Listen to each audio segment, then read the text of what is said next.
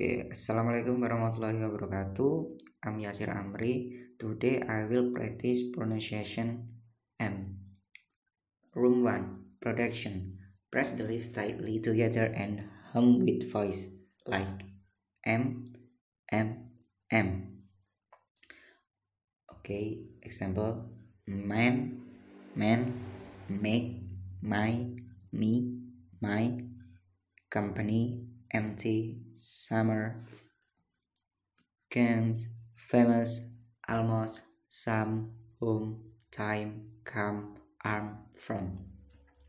Room to comparison.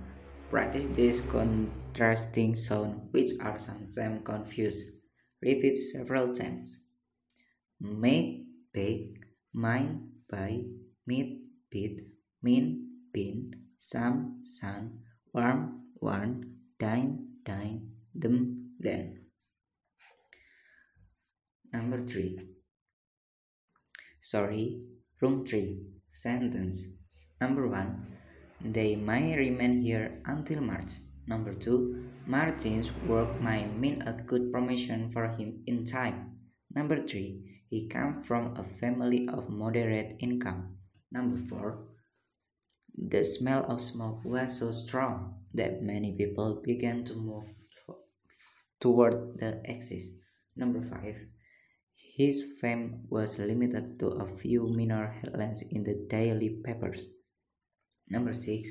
He lived in a one room apartment in the middle of town.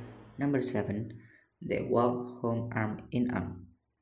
Number 8. The, the warm summer sun made everyone very uncomfortable.